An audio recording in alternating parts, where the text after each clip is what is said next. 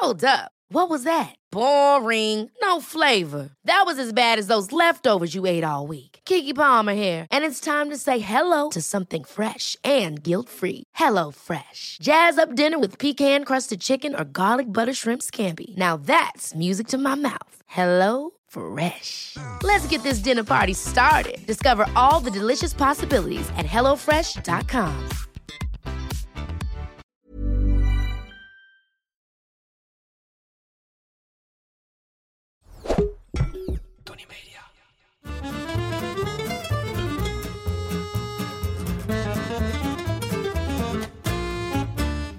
Ik ben Julius Jaspers en ik ben meer dan dol op eten. Iedere week pak ik één product uit mijn voorraadkast en zal jullie daar alles over vertellen. Vandaag is dat een gerecht: draadjesvlees. Draadjesvlees, sudderlappen, stoofvlees, het zijn allemaal namen voor hetzelfde. Stug vlees met een hoop collageen en elastine, zeg maar bindweefsel, wat door lang garen en sudderen zacht wordt en in vezels, de zogenaamde draadjes, uit elkaar valt. Ik ben er dol op. En maak het dan ook in de winter zeker iedere maand wel een keer. Ik maak dan meteen voor 12 man, want sudderlappen, zo noem ik ze, zijn perfect in te vriezen. Sudderlappen brengen me terug naar mijn jeugd. Ik kom van het boerenland en er stond bij een van de buren altijd wel een pannetje te pruttelen op een petroleumpitje. Een geur die voor mij onlosmakelijk is verbonden met het vlees. Petroleum dan, hè?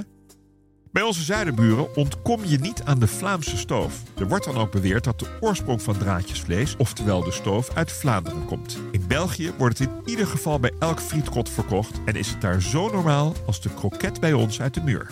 Limburgers hebben ook al eeuwenlang een befaamde draadjesvleesvariant, zoervlees. Als ik duik in de historie van het gerecht, dan valt niet precies aan te wijzen waar de oorsprong van draadjesvlees ligt. Peer Bossely, wie kent hem niet? Stadsarchivaris in Sittard heeft in zijn leven als archivaris al meer dan 7000 oude streekgerechten verzameld. En zag dat het oudste Limburgse draadjesvleesrecept dateert uit 1800. Alleen was het basisingrediënt hier niet rundvlees, maar paardenvlees.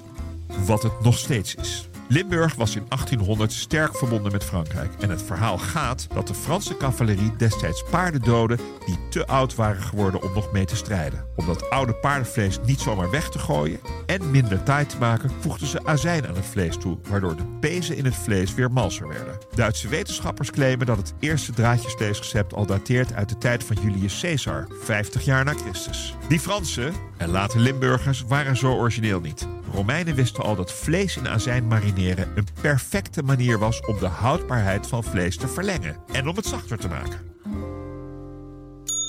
De hamvraag van vandaag, die niet over ham gaat, komt van Joep Eikenaar. Beste Julius, hoe maak je de ideale kroket van draadjesvlees? Beste Joep, oude vriend, wat volg je me toch lekker? Ehm, het is heel makkelijk. Je gaat naar FoodTube. Je kijkt naar het filmpje van Kees Holtkamp die daar kroketjes maakt. En in plaats van zijn kalfsvlees neem je draadjesvlees. Gewoon gaar draadjesvlees. Super lekker en super makkelijk. Succes! Je hebt draadjesvlees en je hebt draadjesvlees. Het is of gewoon lekker, of het is helemaal top. Het recept van mijn topper geef ik je later, maar er zijn een aantal zaken enorm belangrijk. En dat begint zoals altijd met de kwaliteit van je ingrediënten. In dit geval het basisingrediënt, het vlees. De meeste mensen maken hun draadjesvlees van riplappen.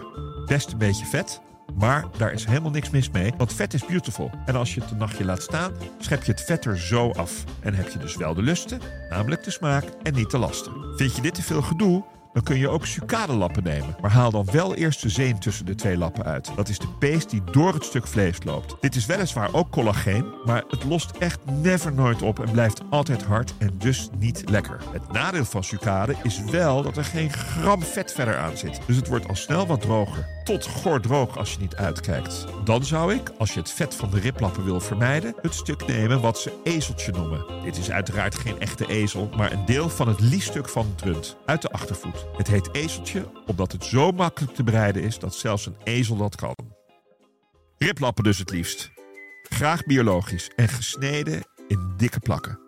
Heel licht bloemen, zodat de saus later wat bindt, maar dat hoeft niet als je, zoals ik, de koolhydraten wilt vermijden. Dan blijft de saus gewoon wat dunner. Belangrijk is verder goede wortels, rode uien, Lekkere runderbouillon, het liefst zelf getrokken en lekkere wijn. Veel mensen, laat ik dat ook maar meteen melden, gebruiken om te koken vaak een kookwijntje. Ik zie zelfs wel eens wijnen met kurk in de pan verdwijnen bij de mensen thuis. Ik denk altijd maar dat niet lekkere wijn in een gerecht het gerecht niet lekkerder maakt. Terwijl lekkere wijn een gerecht mooi kan helpen nog beter te worden. Lekkere wijn dus.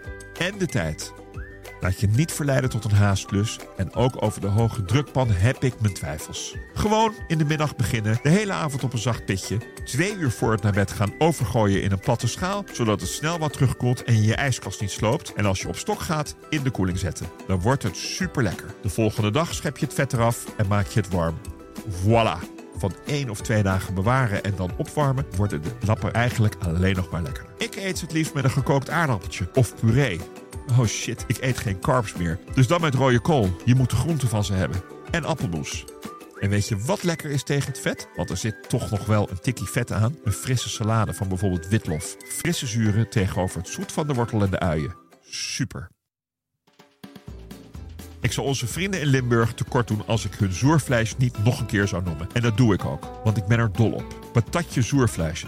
Beter wordt het niet. Zoervlees wordt gemaakt van rundvlees, maar van origine ook van paardenvlees, waardoor het nog zoeter wordt. Het vlees moet eerst een nacht marineren in azijn en suiker, alvorens er tot de bereiding wordt overgegaan. Het wordt gegaard en aan het einde, als het gaar is, afgemaakt met appelstroop en eventueel nog wat gebonden met een paar hompen peperkoek of ontbijtkoek.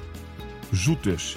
Zeker met paardenvlees. Dus pas op met die stroop en de koek. Wil je zelf lekker draadjesvlees maken? Klik dan op de link in de beschrijving van deze aflevering voor het recept. Heb je zin in zoervlees? Rep je dan naar de winkel. Of bestel mijn stoofbijbel. Die barst sowieso van de lekkere stoofgerechten. Maar daar vind je ook het recept van zoervlees van mijn vriend Hans van Wolde. Van Bruut 172 in Rijmerstok, Zuid-Limburg. Dat was hem over draadjesvlees. Zeker niet alles, maar best wel wat. Wil je meer weten over iets in je voorraadkast? Stuur me dan een berichtje via Instagram. Of ik weet het al, of ik zoek het voor je uit. Maar ik geef altijd antwoord. De volgende keer heb ik het over mosterd. Dag.